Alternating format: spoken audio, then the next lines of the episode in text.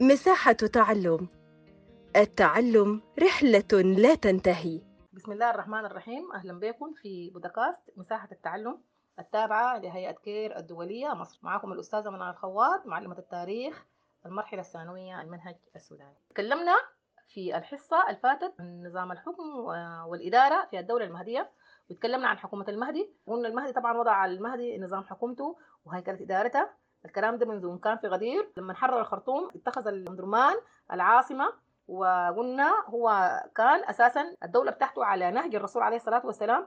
فجاب الخلفاء خدتهم في مناصب الخلفاء الراشدين. جاب الخليفة طبعا عبد الله خدته في منصب أبو بكر الصديق. جاب علي وتحلو قلته وخدته في منصب عمر بن الخطاب. وعثمان بن عفان خدته محله السنوسي. خدت علي بن أبي طالب كلم الله وجههم. طيب هنا المنصب بتاع السنوسي عثمان بن عفان كان فاضي. كان فاضي ليه؟ لأنه أساسا السنوسي هو رفض ترشيح لكن المنصب بتاع علي كرم الله وجهه كان طبعا أداه لمحمد شريف حامد.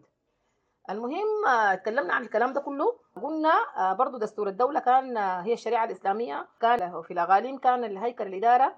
قلنا أخذوا من النظام المركزي. ثاني في حكومة بعد وفاة المهدي تولى الخلافة طبعا الخليفة عبد الله اللي هو كان عنده رئاسة الدولة المهدية. وتكلمنا عن القيادة العليا وقلنا الخليفة في أم أصبح هو رأس الدولة وبيتم له الرجوع في حكومته. تكلمنا برضه إنه قسمت السلطات كان الخليفة هو عنده تنفيذ الحكم وأخوه يعقوب كان عنده سلطة الشرطة والغاد الإسلام عنده السلطة القضائية آخر حاجة تكلمنا فيها في الحصة اللي فاتت إنه الخليفة كان برضه أحيانا بيتدخل في أمر القضاء الحصة دي برضه العنوان بتاعها هو نظام الحكم والإدارة في الدولة المهدية. نشوفه عمل شنو؟ إدارة العمالات أو إدارة الأغاليم. هنا العمالات بمعنى الأغاليم. تم تقسيم البلاد في عهد الخليفة عبد الله إلى عمالات أو أغاليم. أطلق لفظ عامل على كل حاكم عمالة. لفظ العامل ده إنه هو حاكم على الإقليم. وأطلق لفظ الأمير على قائد الجيش. يعني العمالة هو الحاكم على الإقليم. أطلق لفظ الأمير قلنا على قائد الجيش. انقسمت العمالات إلى نوعين. انقسمت الأغاليم أو العمالات إلى العمالات العسكرية والعمالات الحضرية. العمالات العسكرية هي العمالات الواقعة في أطراف الدولة. طبيعي جدا إنه العمالات العسكرية تكون واقعة في أطراف الدولة لأنه عليها مجابهة الغزو الخارجي. ما بتكون قاعدة في الحتات اللي فيها كثافة سكانية. شملت عمالة دنقلة والقلابات وعمالة الغرب طيب وقد أشرف عليها حكام عسكريون. أو الأقاليم العسكرية هي الأقاليم أو العمالات الواقعة في أطراف الدولة. ليه واقعة في أطراف الدولة؟ لأنه عليها مجابهة الغزو الخارجي. شملت قلنا عمالات دنقلة أقاليم دنقلة والقلابات وأقاليم الغرب. وأشرف عليها طبعا حكام عسكرية دي العمالات العسكرية. نجي للعمالات الحضرية. شملت مقاطعة وسط البلاد طبعا وسط البلاد ولم يكن فيها حكام عسكريون كما إنها خضعت لحكم الخليفة المباشر. هي الأقاليم الحضرية. من كلمة حضرية كده بنعرف إنها هي بتكون ده عادة في وسط البلاد لأنها بتكون ذات الكثافة السكانية العالية. وما بيكون فيها حكام عسكريين لأنه أساسا هي حضرية العسكريين كانوا في العمالات العسكرية. خضعت أقاليم أو المقاطعات وسط البلاد دي أو العمالات الحضرية خضعت لحكم مباشر من الخليفة عبد الله وسمى الموظف المسؤول عنها عامل. وقد اهتم الخليفة كثيرا بسير الأمور في العمالات خلانه الخليفة أساسا هو كان مسؤول من وسط البلاد أو كان مسؤول من الحضرية انتظمت رس... هنا انتظمت رسائله عمالة فيها وأمرهم أن يمدوه برسائل منتظمة عن أحوال عمالاتهم. هنا نظم الرسائل ونظم البريد وكان بيمدوه بال... بالرسائل المنتظمة وبيوروه أحوال الأقاليم الحاصل فيها شنو. وكان برضه تحت كل عامل عدد من صغار الأمراء. تحت كل حاكم عمالة أو حاكم إقليم عدد من صغار الأمراء.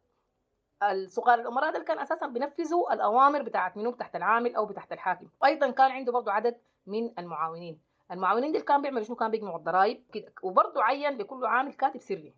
غير إنه كان عنده صغار الأمراء كان في برضه كاتب سري عشان بيكون مسؤول عن المراسلات مع الخليفة. الخليفة طبعا أكيد حيكون في مراسلات بينه وبين العامل بتاع الأغاليم أو عمال الأغاليم أو هم الموظفين يعني. أو حكام الاغاليم طالما إنه في حكام بتاعين اغاليم أو عامل فبيكون أكيد في رسائل بين الخليفة وبين حكام الاغاليم عشان كده خدت لهم كاتب سري. الكاتب ده بيكون مسؤول عن المراسلات مع الخليفة. وكانت الأوامر والمنشورات ترد على العامل من العاصمة لتنفيذها. يعني العامل من الأغاليم كان بيرسل المنش... المنشورات إلى من العاصمة. طيب وخلال الأزمات كان الخليفة يرسل عدد من رجاله. في لما تكون في وقت بتاع أزمات كان بيرسل الخليفة عدد من رجاله سماهم بشنو؟ بالأمناء. كان اسمهم بالأمناء. عشان شنو؟ عشان الأمناء عشان يحققوا في المسائل الكبيرة أو في المسائل الكبرى. وحل هذه الأزمات بالرغم من أن الخليفة لم يتعود زيارة تلك العمالات أصلا الخليفة عبد الله ما كان بزور كان أساسا قاعد محلته وما كان بزور الأقاليم إلا ما يندر يعني. إلا يكون في شنو؟ مؤتمر أو يكون في الرجبية. الرجبية دي عادة بتكون في 27 رجب. وفي عيد الأضحى برضه والفطر عشان شنو؟ يعني كان بيتلقى التقارير والمشورة في أمور العمالات أو أمور الأغاليم غير كده هو ما كان متحرك كثير ولا كان بيتحرك يمشي العمالات ولا يمشي الأغاليم كثير إلا بس في مناسبة الأعياد.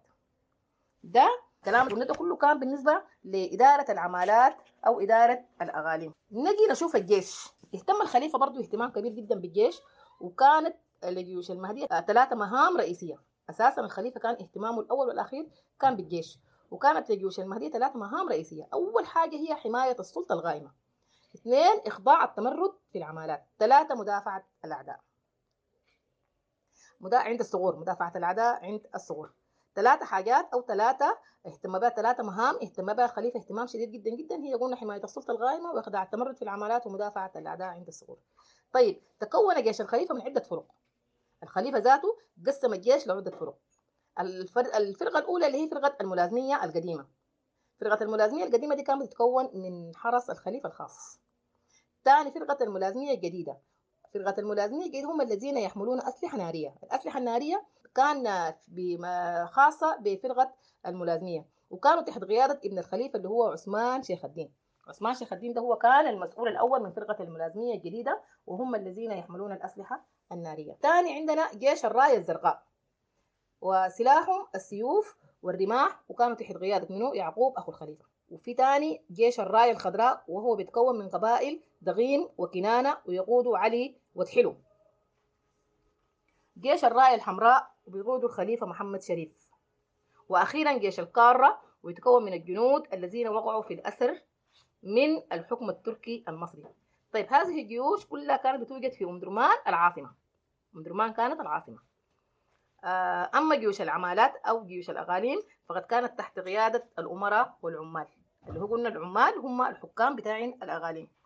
كان في الجيش أيضا عدد من الخيالة والمدفعية. وقد ورثت المهدية من الحكم التركي المصري ورشة لتصليح الأسلحة اللي هي الترسانة وثمانية بواخر نيلية طيب عرفنا إنه الجيش اتقسم لفرقة الملازمية القديمة والملازمية الجديدة وجيش الراية الزرقاء الراية الخضراء وجيش الراية الحمراء وأخيرا جيش الكارة. ونحن قلنا جيش الكارة ده كان بيتكون من الجنود الذين وقعوا في الأسر. كان الجيش قلنا برضو أيضا إنه قلنا ورثت المهدية من الحكم التركي المصري الثمانية بواخر نيلية وورشة للاسلحه أو الترسانة. كان الجيش منظم ومرتب رتبوا طبعا الخليفة عبد الله وعمل على راس كل عشرين جندي كل عشرين من الجيش خدت لهم جندي مقدم. وعلى راس كل مية سماها راس المية. طيب هناك أمير لعدد من الميات يعني في كل عشرين جندي بيكون على كل على كل عشرين خدت راس على كل عشرين خدت عليهم جندي مقدم. وعلى راس كل مية سماها حاجة اسمها راس المية طيب هناك أمير لعدد من الميات يعني لما العدد يوصل عدد من الميات كان بيكون مسؤول منهم أمير. طيب لبس الجنود الرسمي كان أساسا الجبة المرقعه هي والعمامة والصندل. طبعا الصندل بنسميه شبط أو يعني هي ما كوتش أو أو جزمة مقفولة. حاجة مفتوحة العمة العمة المعروفة دي بتتلفى حول الرأس طبعا والجبة المرقعه كان بيسمح للجنود من غير الملازمين العودة لديارهم في الخريف. غير الجنود الملازمين كانوا يمشوا الخريف ليه؟ عشان يزرعوا ويحصدوا ويرجعوا مرة تانية لأم درمان مما يؤكد اهتمام الدولة. يعني الدولة كانت مهتمة جدا بأنه يمشوا الزراعة في الخريف عشان يزرعوا ويحصدوا ويجيبوا الإنتاج. طيب بلغت جيوش المهدي المعدة للقتال أكثر من ربع مليون جندي. إذن هم كانوا داهم الخليفة للقتال بيد إن الحروب والمجاعات أدت إلى تناقص هم أساسا ربع مليون. لكن طبعا لما ظهرت الحروبات والمجاعات وكده أدى إلى تناقص الغذاء. طيب كده بكده نكون الحصة انتهت وإن شاء الله الحصة الجاية هتكون بنفس العنوان هنتكلم فيها عن الغذاء وبيت المال.